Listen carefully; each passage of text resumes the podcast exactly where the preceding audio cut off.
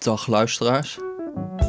Dit is, eh, dit is een uitvaartsdienst voor de westerse beschaving. Een podcast in mineur. Dit is eh, de Rudy en Freddy show van de correspondent. Ja, dit is wel een heel depressief Ja, begin. nee. Frederik, ja, ik vind, we moeten ernstig beginnen, maar dit is wel heel erg... eh, Nee, nee, nee, nee. Kijk, jij hebt aan mij uitgelegd hoe we de- deze podcast gaan structureren. ja, Dat gaat deze keer middels de drie V's. ja, Verdoemenis, verklaring en uiteindelijk verlossing. ja, het is En wij zijn een- nu nog in het verdoemenis gedeelte van de podcast. Dus dat mag heel eventjes een beetje in mineur. Dat mag een beetje treurig zijn. Want we gaan het vandaag hebben over een serieuze kwestie. De verkiezing van Donald Trump. Rutger, mag ik jou wat vragen? Waar was jij toen Trump werd verkozen? Nou, we hadden een eh, soort van verkiezingsfeestje met de correspondent die dinsdagavond. En zoals je weet ben ik niet echt een man van feestjes. Denk ik al na twee bier. bleh. Ja, ik hoorde ook van Dus- mensen dat jij jezelf een beetje had afgesloten. Ja, vind ik nou niks voor mij. Maar in ieder geval, eh, toen op een gegeven moment om, eh, wat is het, 12 uur of zo, half één, dacht ik, nou, ik ga weer weg uit dit, eh, uit dit Amsterdam. Ik ga wel lekker tukken en dan, dan zien we wel hoe het wordt. En toen werd ik de volgende ochtend wakker en toen, toen keek ik opzij naar mijn geliefde en toen zei ik, ga jij kijken of ik? Zei ze, nou, doe jij maar. Dus ik naar beneden, klap de laptop open. Bam. Ja, ik, eh, pff, ik had echt met, ik had die dag echt een heel, ook de, de hele week, echt fysiek voel je het gewoon. Fysiek gewoon. Echt Ja. grote zorgen. Alsof, ik, het voelde een beetje alsof je ruzie hebt gemaakt of zo met iemand en dat niet hebt bijgelegd. En dat dat nog steeds zit na te zeuren. Mhm. Dat je niet echt weet wat je ermee moet. Dus ehm, al heel snel verschenen de stukjes. Een heel bekend blog van eh Wait But Why van Tim Urban bijvoorbeeld met de titel It's Going To Be Okay. Of Charles Groenhuizen in NRC. Inmiddels zijn er veel meer geweest van mensen die zeiden... Nou, weet je, hoort ook bij democratie. Soms wint de een, dan wint de ander. Het zal wel meevallen. Checks and balances. Weet je, Amerikaanse instituten zijn sterk. En ik ben eigenlijk veel pessimistischer. Ik denk dat als je gewoon echt een, zelfs een vrij nuchtere analyse maakt van wat er gaat gebeuren. Dus in ieder geval dingen die we zeker weten. Namelijk Obamacare in de prullenbak. eh, akkoord van Parijs in de prullenbak. Planeet wordt eh gefrituurd, thermostaat gaat omhoog. Ehm, financiële sector zwaar eh, gedereguleerd. Bankiers staan te feesten op dit moment. Nou, je ziet een golf van ehm, haat en geweld dat door immigranten en minderheden nu te verduren krijgen. En dan heb ik het alleen nog maar over de dingen die we vrij zeker weten, die al aan de hand zijn of zeker weten dat ze gaan beginnen. Nou, en dan vervolgens in de week daarop wordt iemand als Stephen Bannon aangesteld. Nou, ik weet niet of je een beetje verdiept hebt in wat dat voor figuur is. Oh, inmiddels Maar wel. dat is geen neonazi, het is gewoon een nazi. Ik bedoel, dat of, of het, hij noemt zichzelf ook een Leninist. En eh, ik wil het hele establishment vernietigen, dat soort quotes en zo. Eh, echt een heel angstaanjagend figuur. En het wordt gewoon de machtigste adviseur in het Witte Huis. Ja, dus als mensen dan zeggen, it's going to be okay, het komt allemaal goed, dan denk ik, nou, weet je, misschien wordt het wel niet, komt het wel even niet goed of zo. Misschien Mhm. gaat het wel echt heel dramatisch worden. Volks.com had, had gisteren nog een hele goede analyse van eh, Ma- Matthew Iglesias, een hele goede journalist. Die zei, de titel was, van het stuk was eh 100 dagen om de republiek te redden. Ehm, en hij sprak heel erg zijn angst uit van dat Trump een soort van kleptocratie aan het maken is. Mhm. Allemaal familieleden om zichzelf aan het heen verzamelen is. Allemaal getrouwen. En dat hij eindeloos veel mogelijkheden heeft om eh, miljoenen, zo niet miljarden naar zichzelf toe te schuiven. Dus ik denk dat als je dat allemaal op een rijtje zet, eh, nou, dan zitten we wel bij de verdoemenis. Ja. Maar hoe werd jij eh, wakker? Nou, wel met ik, ik was eigenlijk gewoon heel erg. Ik weet niet, je stopt het toch een beetje weg. Want eh, al die, al die ehm, peilingsites of eh 538 en zo, Nate Silver, die altijd eh, peilingen wel goed had voorspeld, die gaf hem dan 35% kans. Nou, in mijn boek was dat, in mijn hoofd was dat gewoon Hillary wint. Ja, dat is grappig, hè? Terwijl een derde kans natuurlijk best wel Ja, een dat serieuze is toch wel kans is. veel, ja. Dus, ja, en ik kon me gewoon, ik kon me gewoon mentaal niet toe zetten dat die gast zou winnen. Maar ja, Mhm. dan, ik werd wakker, ik sla die laptop open, ik zie eh 538, Trump wins. Ja. Nou, dat is echt, ja, wat de hel. ja. Ja, maar precies hetzelfde als jij, ook gewoon, eh, ook gewoon echt eh, alsof je me op tegen mijn kop had geslagen. Ben wel gelijk wakker in ieder geval. Ja, precies. Ja. Ja, je hebt echt het gevoel dat het een groot breekpunt is. Sowieso als je dan ziet dat de Ku Klux Klan meteen feesten, speciale vieringen gaat wijden. En de Amerikaanse Nazi-partij had ook een, eh, een, een heel gelukkig bericht op de website geplaatst. Dan weet je al wel een beetje, nou, als zij blij zijn, moet Ja. ik misschien niet zo heel blij zijn. Ja, maar ik had, ook wel, ik had dus wel ook een beetje gelijk dat ik dacht van... oké, hoe erg gaat dit nu zijn? Mhm. En dat ik heel graag wilde geloven van... nou, misschien valt het wel mee. Kijk, die Trump is wel een volslagen opportunist. En Mhm. hij heeft in het verleden was hij ook bijvoorbeeld voor... eh, single-payer healthcare. Dus gewoon zoiets zoals in, in, eh, in eh, Groot-Brittannië en in Canada hebben en zo. Dus ehm, ik dacht nog van ja, in de uitwerking kan het misschien wel allemaal wel meevallen of zo. Hij zal ook niet echt totaal van de pot gerukte dingen doen. Maar ja, als je dan nu ziet wat hij tot nu toe voor totale maloten om zich heen heeft Ja, verzameld. precies, dat het vooral, is ja. niet heel... Ook gewoon al die, al die bizarre afdankers van Bush, eh, Rudy Giuliani en allemaal dat soort mensen Mhm. die echt, echt heel extreem zijn. Eh, mensen die ontslagen zijn, wil die nu voor. Ik zag dat hij voor de CIA iemand, eh, iemand wilde aanstellen, mogelijk die, die ehm, alle tapes van Guantanamo had vernietigd. Eh, die werd nu het hoofd van de CIA misschien. Ja, ja. Ja, what the fuck. Het is wel echt, eh, het ziet er niet heel best uit. En ik dacht ook, ja, ik ben eigenlijk al lang blij als we als mensheid deze vier jaar doorkomen. Want dat beangstigt mij het meest, Mhm. dat zo'n vent gewoon kernwapens heeft eigenlijk. Ja. En, en wat is jouw economische analyse een beetje van, ehm, van dit moment? Bijvoorbeeld een van de dingen waarvan economen zeggen dat we het al een tijd moeten doen... is investeren in infrastructuur. Ja, ja, ja, dat Dus is dus... Am- Amerikaanse snelwegen en noem maar Mhm. op, die liggen helemaal aan het diggelen. En als Trump dat gaat doen, dat zou verstandig zijn, toch? Ja, nou laten we maar gelijk even de jaren 30 erbij halen. Dat, dat is ook wat Hitler deed, hè? autobanen. Mhm. En eh, als je ziet wat hij voorstelt, 550 miljard geloof ik aan infrastructuuruitgaven. Mhm. Nou, dat is niet misselijk. Dat is echt, echt veel geld. En dat gaat gewoon een economische injectie zijn. Je zag ook toen Dat hij is gewoon verkozen eh, werd... Jesse Frederik eh, politiek. Dat is precies waar jij altijd voor pleit, toch? Ja, ja, helaas door een eh, verslagen maloot. Maar goed, ja. Ehm, ja, en je zag ook gewoon toen hij verkozen werd, al die infrastructuurbedrijven en zo, gingen de koersen 30% van omhoog of zo. Oh, ja. Dus die, ja, als hij dat gaat doen, dat is ook het enge. Dat schreef Bas Jacobs ook, Mhm. een Nederlandse econoom. Die zei, nou, misschien is het nog wat gevaarlijkste dat dit gaat werken. En dat hij straks gewoon nog meer populariteit gaat krijgen, omdat... eh, ja, hij stelt ook bizar grote belastingverlagingen voor. Wel vooral voor de ja, rijkste. Eh, maar ook zo'n enorm programma van infrastructuur. Nou ja, hoe je het ook wendt of keert, dat gaat gewoon wel echt, echt veel doen voor de economie. Mhm. En ehm, nu heeft hij ook, Obama wilde dat misschien ook wel doen. Ehm, maar die, die had het eh, congres en de senaat niet mee. Maar die republikeinen willen dit misschien nu wel toestaan. En ze zitten allemaal wel over eh, dat ze de staatsschuld zo erg vinden. Maar dat blijkt in de praktijk meestal vooral een probleem te zijn als er een democraat aan de macht is. Ja, Ehm, en wat, wat Trump dan natuurlijk kan doen, is als hij de economie een enorme opkikker heeft gegeven, dan kan hij zeggen van ja, zie je wel, dat Ja. komt omdat ik 3 miljoen mensen heb gedeporteerd. Ja, Nu we die overbodige ballast ja, weg hebben, dan kan hij zeggen van kijk eens, Making America Great Again. ja, precies. Of precies. hij, hij kan zeggen het komt door die enorme belastingverlagingen dat ik het heb gedaan. Ja, ja.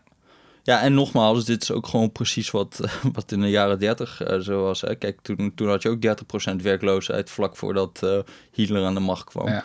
En hij deed gewoon eh, uitgaven die nergens op sloegen. Wapensindustrie in herbewapenen, autobanen aanleggen. Eh, maar hij kreeg wel de boel aan, de, aan de praat. Ja, precies. En dat is heel eng. Dat is gewoon, eh, ja. Ja. Misschien dan nog even over de jaren 30 vergelijking. Want hij, beg- hij begint steeds meer in de, in de mode te raken. Ik zag dat de hoofdredacteur van de New Yorker... die zegt, eh, het Gert Mak heeft het erover... steeds meer gewoon serieuze mensen met kennis van zaken... hebben geen enkele schroom meer om de vergelijking te maken.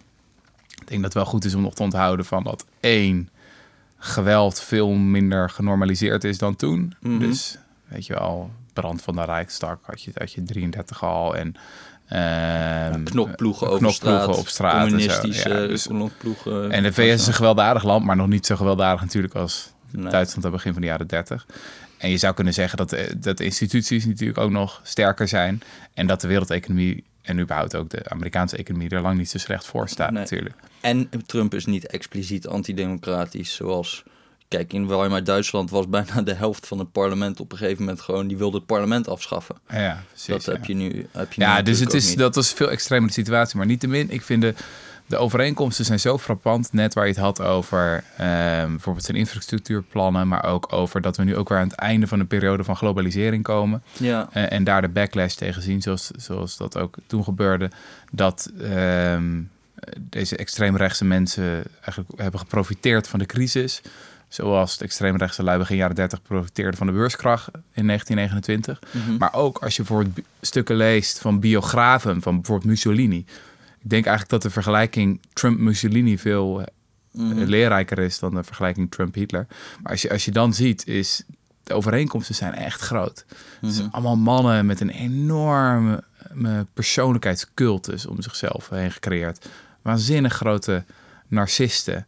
Heel masculien. Ook in een, in een, eh, alleen in een lichaamshouding zien die biografen dan al grote Mhm. overeenkomsten. Er was één iemand die zei van dat hij een filmpje zag van eh, dat Trump binnenkwam met zijn vliegtuig en dan eh, het vliegtuig uitstapte en meteen naar de crowd liep om daar een toespraak te geven. En die biograaf zei van wow, ik dacht echt dat ik Mussolini zag, want Mussolini Mhm. heeft een keer precies, iets, precies hetzelfde gedaan. Ehm, dus ja, die, die overeenkomsten zijn wel echt eh angstaanjagend. Of zoals de hoofdredacteur van de New Yorker het zei van... fascisme, dat kan natuurlijk niet onze uitbestemming zijn... maar dit is wel hoe het begint. Mhm. Weet je wel? Ja, dit zijn wel angstaanjagende parallellen. Maar hopen dat het vier jaar maar is hè, en dat we dat doorkomen. Maar, eh, En maar ehm, misschien kunnen we het ook even hebben over hoe... Want hoe kan dit nou eigenlijk? Ja, want dit was de verdoemenis. Volgens mij zijn we nu wel ja. depressief genoeg. Ja. Eh, en, en dan de grote vraag, ja, van hoe, hoe kan het? Wat heb jij op een rijtje gezet? Nou, ik wil eigenlijk weer alweer even vooral over de media hebben. Mhm. Want ehm, ik denk toch een paar dingen die vielen heel erg op. En dat was dat het, eh, dat het sowieso de minst inhoudelijke verkiezingen ooit waren. Mhm. Dus eh, de Tyndall Report heb je, een, is een Amerikaanse website. Die houdt alles bij van wat er op de televisie in eh, Amerika gebeurt. De grote kabelnetwerken. En die hadden een blog geschreven waarin ze eigenlijk alle verkiezingen vergeleken met hoe vaak het over de inhoud ging Mhm. op avondtelevisie.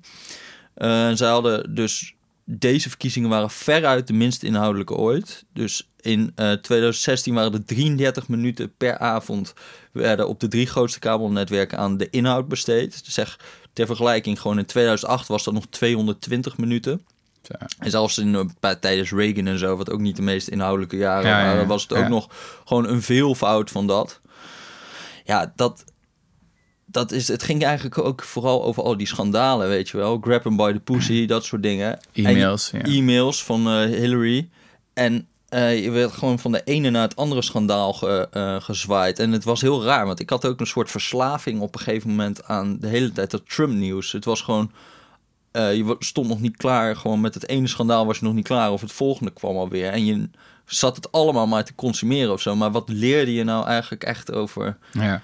Ik bedoel dat de van- al die debatten gingen bijvoorbeeld niet over klimaatverandering. Hè? Nul keer. Helemaal niks. ja. Ja, dat, is, dat is zo bizar. Dat Ja. is gewoon een van de... Nou, je zou kunnen zeggen dat 19e eeuwse democratische instituties plus 21e eeuwse mediocratie is Trump. Ja, ja. Want dat is dus ook nog iets eh, wat heel interessant is. Het waren ook de meest winstgevende verkiezingen ooit voor, die, eh, voor al die kabelnetwerken. Die eh, man van CBS, een van die grote kabelnetwerken, Les Moonves, die zei, ehm, ik heb de quote hier, It may not be good for America, but it's damn good for CBS. That's all I got to say. Ja, zei hij ja, ja, tegen investeerders. Eh, dus over die Trump, dat Trump in de verkiezingen zat. Want alle kijkcijfers gingen omhoog. Het was het meest bekeken verkiezingsdebat ooit. Dat eerste, eh, eerste debat. Het was gewoon spektakel. Mhm. Het was reality televisie eigenlijk. Er stond ook een verbijsterend interview in de Washington Post met iemand die allemaal nepnieuws Ja, bedacht en schreef en daar allemaal websites voor had gelanceerd. Die verdienen daar grof geld aan. Hij persoonlijk 10.000 dollar per, per maand ongeveer. En, en er was ook een analyse op BuzzFeed. En daar bleek dat de top 10 meest gelezen nepnieuwsberichten... dat die het beter deden dan de top 10 meest gelezen ja, echt nieuws Ja. op Facebook. Dus meer eh, ja, interactie opriepen, meer gedeeld werden, likes opriepen, et cetera. Mhm. En die vent in dat interview, die zei dat hij er een beetje van was geschrokken. Hij zei letterlijk, ik, ik denk dat ik Trump president heb gemaakt. Ehm, en eh, ja, ze factchecken niks. En ja, ik ben er wel een beetje van geschrokken. Misschien had ik het niet moeten doen. Ja. Maar echt verbijsterend. Enorm. Bijvoorbeeld een van de me- meest gelezen berichten was dat de paus Weet je wel, onze lieve links-anarchistische paus. Ja. Die moeten misschien ook een keer in de Rudy en Freddy show uitnodigen. Eh, maar eh, dat hij Trump zou endorsen. Nou, dat was, wat is het, een miljoen keer ja, eh, 960.000. Ja, ja. van pot gerukt. Maar ook, ook wat ik, ik had het verhaal ook gelezen. En dan had je ook eh, wat dan voor echt nieuws doorgaat. Dat was dan ook bijvoorbeeld eh, Melania Trump's girl-on-girl foto's from racy shoot revealed. Oh. 531.000 keer gedeeld. Au. Nou, Wat, wat is dat? eh? de girl-on-girl girl? foto's, dat leg ik je nog wel een keer uit. Oh. Maar ik bedoel, het heeft in ieder geval weinig met, met de inhoud te maken. Eh, Nee, precies, ja. ja. ik, ja, het, ik weet niet. Ik weet, wat ik me ook echt heel erg afvroeg met die eh, verkiezingen, hoe kan het? Kijk, ik snapte, hij kreeg bizar veel aandacht, Mhm. Donald Trump. Hij hoefde niet te adverteren of zo. Maar hij had gewoon, ik Mhm. denk, een veelvoud van de aandacht van Hillary Clinton. Maar het meeste van die aandacht was eigenlijk negatief, denk ik. ja. Het was niet eh, van, eh, eh, ja. Nou, hoe kan het dan toch dat hij, ondanks al die negatieve aandacht, dat dat gewoon als teflon, gewoon, het viel allemaal van Nee, wat uit veel van die, van die peilingen uit? bleek, is dat, dat zelfs van de me- mensen die op hem stemden, dat de meerderheid hem nog een ongeschikte president vonden. Maar dat iedereen zei van hij is het meest geschikt om verandering te bewerkstelligen. Ja. En na dat Brexit-referendum was er één zin die heel erg bij me was blijven hangen van een eh, Engelse columniste, Laurie Penny, die schreef: ehm, Als je alleen een ha- hamer hebt, dan lijkt alles op het gezicht van David Cameron. Mhm. En dat is precies hetzelfde eigenlijk wat nu is gebeurd. Dus als je alleen Trump hebt, weet je als je alleen een hamer hebt, ja, dan ga je maar gewoon los, weet je boeien. Ja.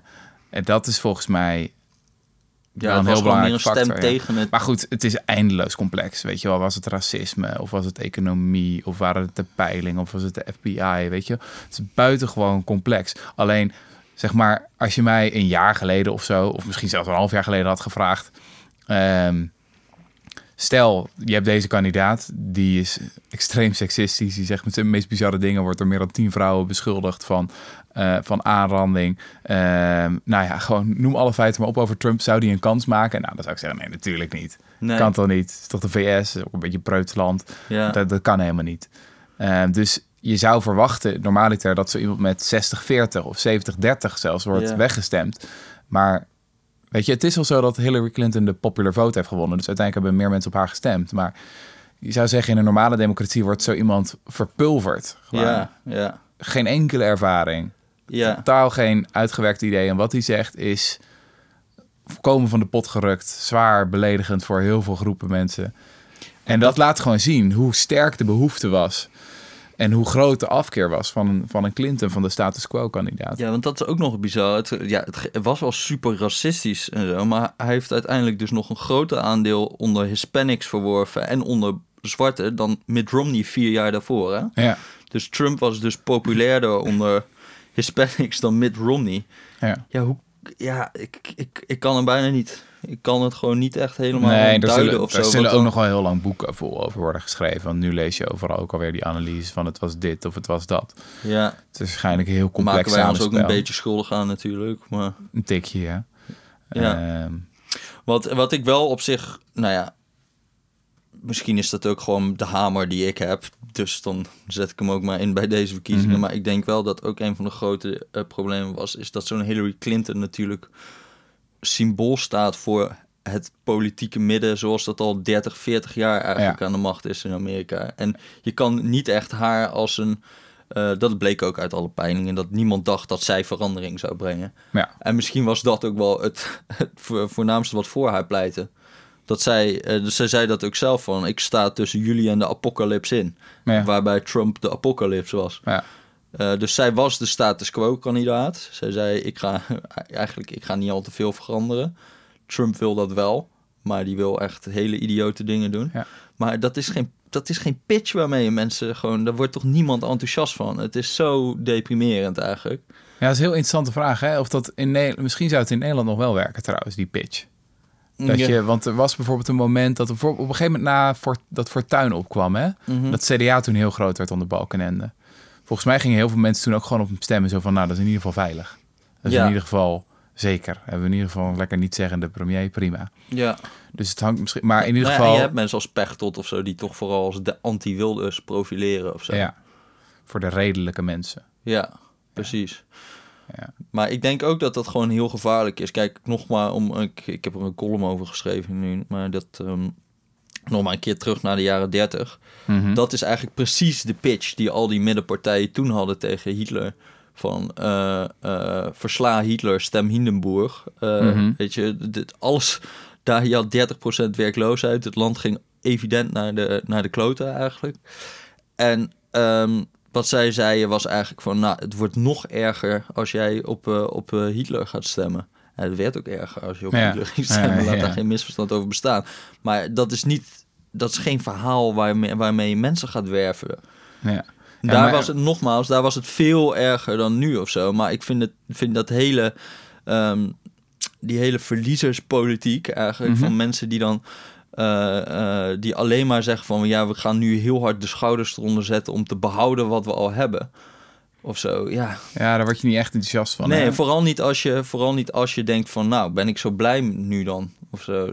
Heel veel mensen zijn super ontevreden. In Amerika ook was gewoon 78% wilde drastische veranderingen in het politieke systeem. 72% wilde drastische veranderingen in het economisch systeem. Mhm. Als je dan een Hillary Clinton bent en het enige wat je zegt is van nou, ik wil dat eigenlijk allemaal behouden.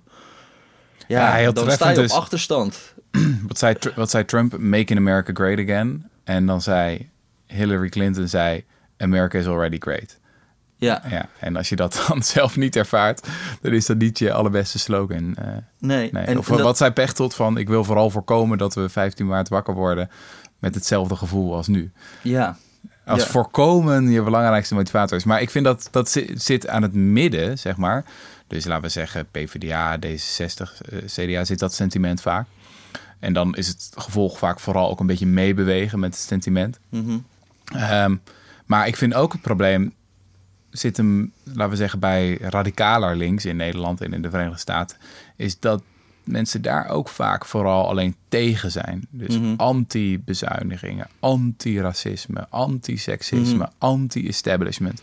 Je al heel duidelijk beeld van wie de vijand is. Daar soms ook een beetje een ingewikkelde taal over, van hoe dat dan bestreden moet worden. ja, De hegemoniale discours moet aangepakt worden. ja. En er is meer intersectionalisme nodig, want het neoliberalisme, nou, et cetera, et cetera. Ja, ja, ja. En dat is een soort van in-crowd die het enorm met zichzelf eens is. En ik zeg niet dat de analyses allemaal verkeerd zijn of zo. Maar dat brengt ook geen massa's Nee. in beweging. Ik denk dat mensen al gelijk afhaken als ze het woord neoliberalisme horen. Ik in ieder geval wel. Ik denk dan, oh, dat is er zo een. Ja, precies. Die hoort niet bij mijn hokje. Of Nee. zo. Of wel. Of weet, weet je, het is gewoon heel erg dat je dan met identiteit mensen probeert te bereiken. Van, jij bent een links iemand, dus je besnapt het als ik zeg het neoliberalisme. Ja, maar je gaat ja. niemand overtuigen. Er, zit iets, er zit iets heel vermoeiends in, ja. ja. Ja. Maar goed, dus ehm, Maar wat dat betreft is de, is de... Eigenlijk heb ik, heb ik wel één positief gevoel overgehouden aan dit geheel. Is namelijk, als dit nou eens echt een moment wordt waarop mensen wakker worden. Want Mhm. dat heb ik in de afgelopen jaren natuurlijk wel vaak gedacht. Als het over klimaatverandering ging. Of over groeiende ongelijkheid. Over belastingparadijs. Of zoveel thema's waar we mee bezig zijn geweest. Is dat, je, dat het maar niet echt urgent wil worden. Mhm.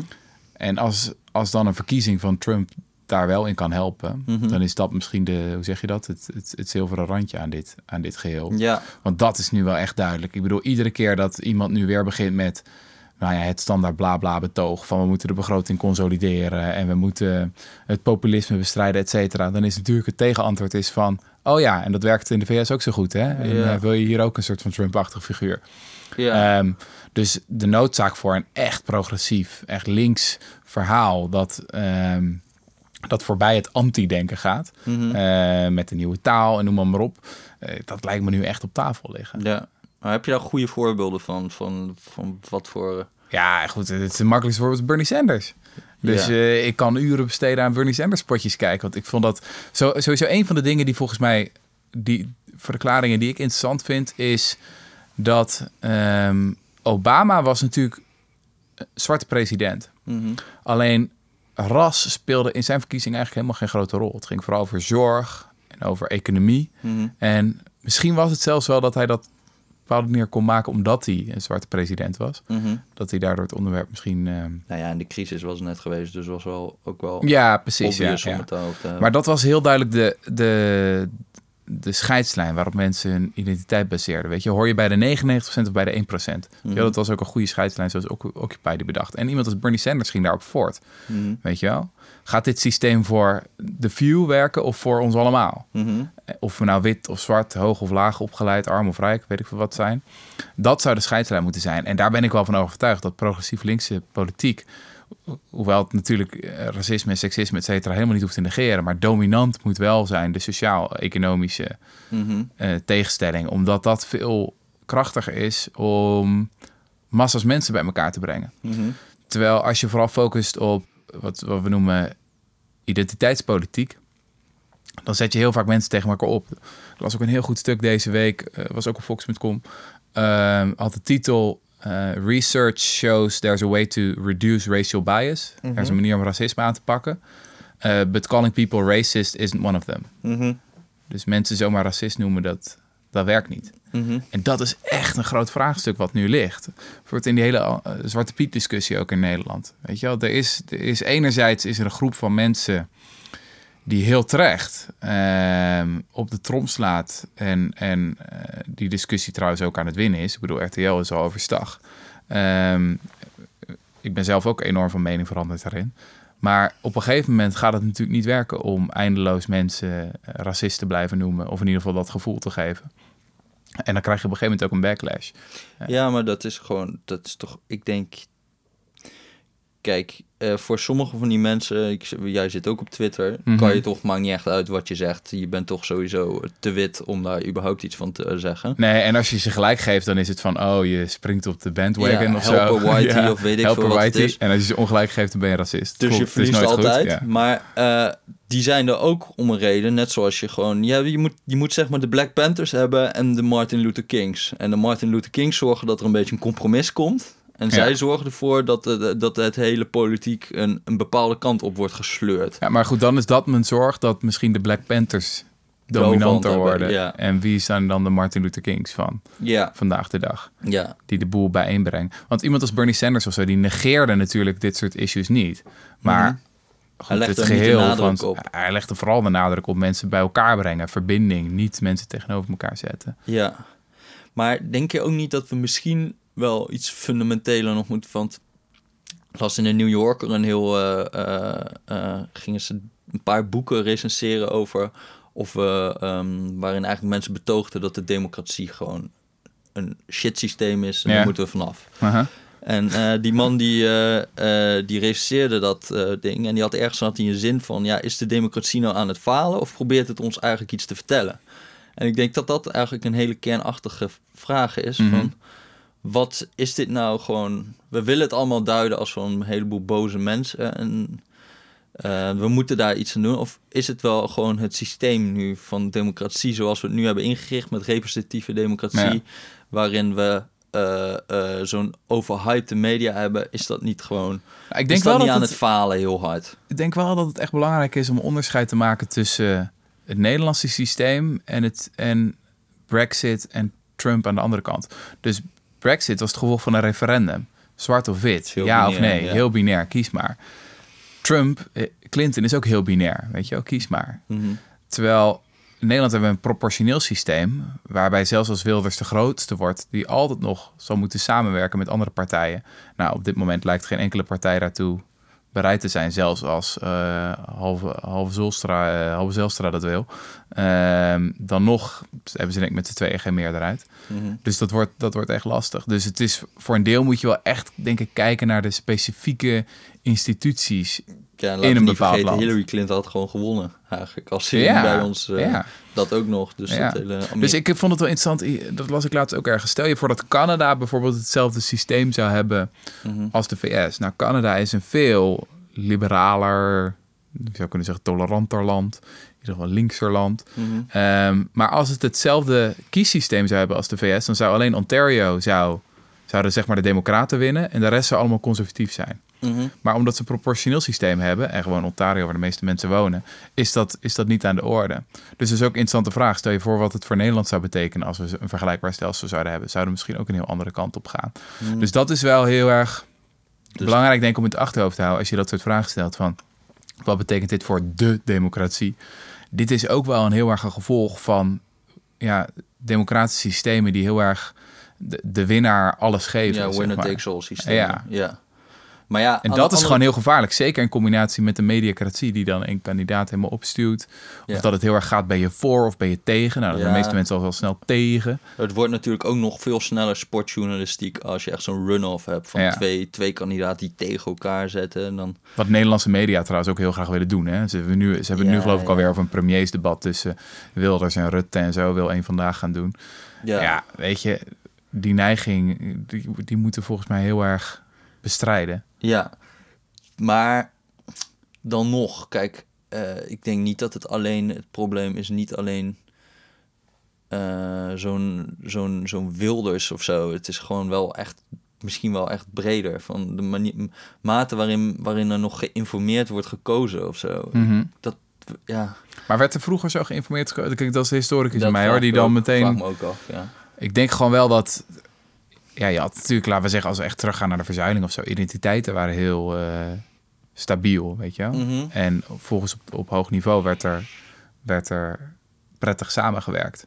Ik vond ook ja, heel... maar dat zou dus de antidemocraat zou zeggen. Eigenlijk was dat veel minder democratisch. Want mensen konden er toch wel van op aan dat ze een zeker aantal zetels halen. En nu gaan al die politici gaan zich allemaal in rare bochten wringen om binnen de media een beetje boven te komen drijven. Ja, En eh, zieltjes te winnen op die Ja, manier. ja. Ze, ze, ze, ze- zeg maar, als politicus moet je nu veel meer ehm, bezig zijn met het spel van Mhm. politiek dan met de politiek zelf. Ja. Dus veel minder met de inhoud en veel meer met, eh, met hoe krijg ik aandacht. En, Nou goed, en dat ben ik met je eens. En dat ben ik ook met iemand als David van Rijbroek eens. Dat dit wel het moment is om na te gaan denken over... Ja, moeten we democratie nog altijd op dezelfde manier blijven bedrijven... zoals we ooit bedacht hebben in de 19e eeuw? Mhm. Of moeten we misschien eens wat gaan experimenteren met andere dingen? Je zou de Eerste Kamer zou je kunnen gaan loten. Je zou zeker op lokaal niveau kunnen gaan beginnen. ja. Zelf was geschreven over het enorme succes van burgerbegrotingen. Mhm. Dus als je een groot deel van het stedelijke budget bijvoorbeeld laat besteden door burgers. Ja, ik denk dat dat soort processen die meer betrokkenheid creëren, die ook een beetje een leerschool van de democratie kunnen zijn, dat mensen zelf ervaren van, hé, hey, ik moet ook compromissen sluiten en Mhm. budget is ook eindig, dus ik kan niet alles tegelijkertijd. Mensen bij elkaar brengen, jong en oud, laag en hoog opgeleid. Ik geloof wel heel erg in dat soort, dat soort programma's. Ja, en dat daar is ook het rare in Amerika. hè. Dat is super gepolariseerd tussen de Republikeinen en Democraten. Maar als je over de inhoud gaat vragen, dus als je echt gaat vragen over, oké, stel eens een begroting samen of zo, ja. dan gaat het allemaal best wel dicht bij elkaar liggen. In ieder geval veel dichter bij elkaar ja, liggen dan je zou verwachten. Dus ook bijvoorbeeld heel grappig heb je van die peiling van wat denk je dat de ongelijkheid is in ons land? En wat zou je willen dat de ongelijkheid is in, in ons land? En dan maakt niet uit of we republikein of democraat zijn. Is wel een klein beetje verschil. Maar eh, republikeinen en democraten willen eigenlijk alle twee ongeveer Zweden. Ja. Ja. En, en, en ze denken dat Amerika al sowieso veel minder ongelijk is dan dat het, eh, dan Ja. dat het is. Dus ik dat is denk dat als je zo- gewoon, dat is, ook, dat is ook wel het hoopgevende, als ik mag zeggen. Dat eigenlijk de verschillen veel minder groot zijn dan je denkt. Maar er is iets wat die verschillen, of waar, we, waar de overeenstemming is, dat dat niet laat bovendrijven of zo. Dat die overeenstemming zich helemaal niet zo erg uit in beleid uiteindelijk. Ja, precies. Dus dat is dan toch wel iets, ja. Ja, en nu lees je veel oproepen voor empathie en zo. En we zouden vaker naar de voetbalkantine moeten gaan om daar pilsjes te drinken met PVV-stemmers. Eh, en dat is natuurlijk allemaal waar. ja. Alleen denk ik wel dat het op een gegeven moment verder moet gaan dan alleen een oproep.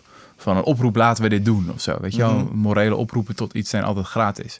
Het is natuurlijk de echte uitdaging om na te denken... hoe kunnen we dat verankeren? Hoe kunnen we ervoor zorgen dat dat gewoon regelmatig blijft gebeuren? ja. Een ding wat ik altijd interessant heb gevonden, volgens mij heeft David daar ook een keer over geschreven, is we hebben bijvoorbeeld allemaal Erasmusbeurzen. Hè? Mhm. Dus dan kan je gewoon op kosten van eh, de Europese Unie kan je een paar maanden naar het buitenland gaan als student.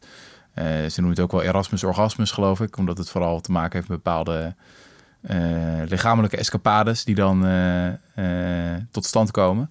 Maar eh, er is best wel wat onderzoek. Wat is dit nou weer voor rare Ja, sorry. vertakking? Nou, in ieder eh, geval, er is best wat onderzoek dat laat zien dat dat een best wel belangrijke factor speelt in het waarderen van diversiteit.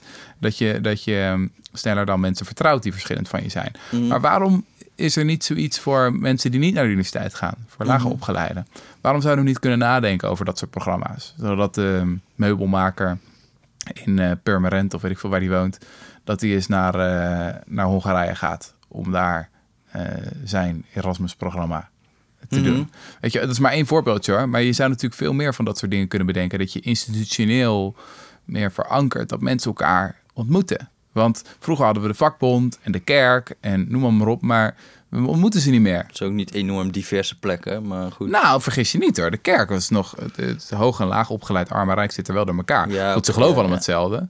Maar ehm, nu is het denk ik nog, nog veel meer geconcentreerd dan... eh, Ja, want dit is wel ook gewoon een beetje de vraag die achterblijft, denk ik, bij dit. Gewoon, wat nu?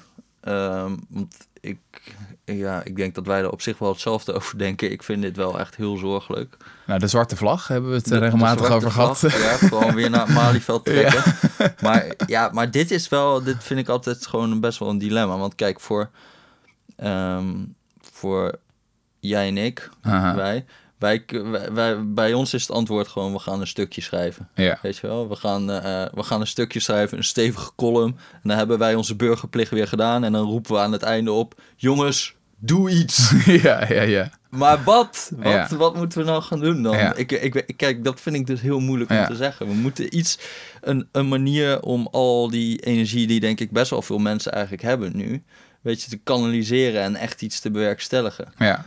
En, maar moeten we niet gewoon een paar concrete projecten verzinnen of zo, waar wij gewoon verandering gaan bewerkstelligen en daar dan mensen achter krijgen of zo? Ik weet niet zo goed, maar nou, stel eens wat voor. ik weet niet zo goed. Ik weet niet zo goed. Ik zeg maar wat. Ehm, Correspondentpartij? de, de correspondentpartij, ja, nee, nee, nee. Kijk, wat, wat ik wel dus wel heel goed vond, was die bijvoorbeeld zo'n referendum over Oekraïne. Dat ging nergens over. Laat Ja. dat even. Ik, ja, maar het zorgde er wel voor dat er sowieso over werd gepraat. Mhm. Normaal zou dit iets zijn wat bam door de Kamer gaat en, en dan bleek er toch nog best wel wat over te zeggen of zo. Maar waarom zou dat zou je dat qua links-progressief niet ook zoiets kunnen organiseren of zo? Iets, eh, want dit was wel echt een beweging of zo. Ja. volgens mij zie je dat op rechts veel beter. Ook zo'n zo'n zo'n cherry en zo. Ja, het is ook een beetje medialogica wat hun heel erg Ja, helpt. ja, want, je, want wat bleek dan met die je Dat, ja. Dat zeg maar linkse mensen Thierry Baudet veel beter kennen dan rechtse mensen. Ja, dat vind ik wel een prachtige illustratie trouwens. Maar, maar waarom is dat eigenlijk? Waarom heeft gewoon links niet zelf gewoon iets? Waarom moeten we ons afzetten tegen fucking Thierry Baudet in plaats van dat we een zelf Ja, weet je wat het ook hebben? is? Volgens mij heel erg. Dat is de spagaat tussen eh, enerzijds denken van... Oké, kom op mensen, kom op. Ja, en ehm, de behoefte aan een verhaal dat... ehm, wat emotioneler is, misschien zelfs wat pathetisch. Maar anderzijds de angst van... Oh, straks vinden ze me belachelijk. Ja, Ah, straks denken ze van... Oh, eh, Ja. doe maar even rustig. Ja. Weet je wel, oh... eh, Jesse Klaver, wat Meneer je de nou Verzetsheld. over Roos, Roosendaal? Precies, ja. Weet je wel? Zoals dan dat cynisch wordt ook, gedaan. ja, precies. Dat is ook zo. En Nederlandse Roosendaal. taal is natuurlijk ook zo dat zodra je een beetje charismatisch probeert te doen, dat op een gegeven moment de taal je gaat tegenwerken. En mensen denken van, ja, tuurlijk. Ja. En ehm, dan heb je ook nog de journalistieke spagaat. Dus dat je enerzijds een soort van intuïtie hebt van, nee, ik moet gewoon goed factchecken, verslag doen, eh, onderzoek naar voren brengen. Maar goed, als deze verkiezingen iets leert, is dat dat misschien niet genoeg is. Ja. Dat nog een factcheckje en nog een opiniestukje. Ja. Oké, Rutger. ehm, kun je nog iets een beetje relativerend zeggen over Trump? Dat we toch nog een beetje met een hoopvolle... Nou ja, goed, ja, je kan altijd nog zeggen van de Amerikaanse staat is geen speedboot, maar een vliegtuigschip. Dus het duurt even voordat je hem van koers hebt veranderd. Mm, En dat team om hem heen is angstaanjagend met bizarre ideeën, maar wellicht zijn ze ook wel volkomen incompetent. mhm. En ehm, dat het dan gewoon alleen een tijdje even een zelfverrijkende kleptocratie wordt. Ja, wellicht. Ah, vind ik wel hoopvol Eh, dit. ja. ja, een mooie hoopvolle gedachte. Ja, en nou goed, en ik ben er toch ook, nou, waar we het net over hadden, van overtuigd dat de meeste mensen eh, best sympathiek zijn. Dat was ook een van die dingen die bleek uit die studies waarin ze probeerden eh, racisme te temperen of bijvoorbeeld haat van transgenders. Gingen ze langs, canvassen in, in, in, langs de huizen. Mhm. En wat dan gewoon heel goed werkt, is niet meteen veroordelend zijn. Van, oh, je bent een racist. Oh, je haat mij als transgender. Maar gewoon eerst even luisteren. En dan zeggen, hé, hey, maar eigenlijk ben ik zelf ook transgender. En zullen we daar eens een gesprek over voeren? En dat dan Mhm. langzamerhand in het gesprek. Oh ja, ja, ja, ik was eigenlijk ook wel een beetje lullig. En dat vind ik eigenlijk ook niet. Mhm. Ja, iets daarvan terug. eh, dat, zou, dat zou wel heel erg helpen. Mhm. Nou, ja, toen, toen ik dus die Trump-overwinning las, toen eh werd ik wakker naast mijn vriendin. En mijn vriendin, die liet mij ongeveer vijf minuten later, liet ze mij een filmpje zien van een diepzee reuzenpissebed. die al vier jaar in hongerstaking was in een Japans aquarium. Ja, dat zijn ook Ja. dingen, ja. En toen dacht ik ook even van, ja, toch een groot gedeelte van de wereld gaat gewoon door. Zo is het. Dus eh, op die hoopvolle noot, ehm, ik zeg, eh, Eindigen we deze podcast. eindigen we deze podcast. Ik zeg adieu. Dit was weer een eh, nieuwe aflevering van de Rudy en Freddy Show. En we hopen dat jullie het wat vonden. Als het zo was, ehm, abonneer je op onze podcast. Tik even een leuke recensie op iTunes. En eh, tot de volgende keer. Dag. Ja, we konden het niet echt eh, hoopvoller nog maken. Nee, was best wel hoopvol ja. hoor. ja, ja.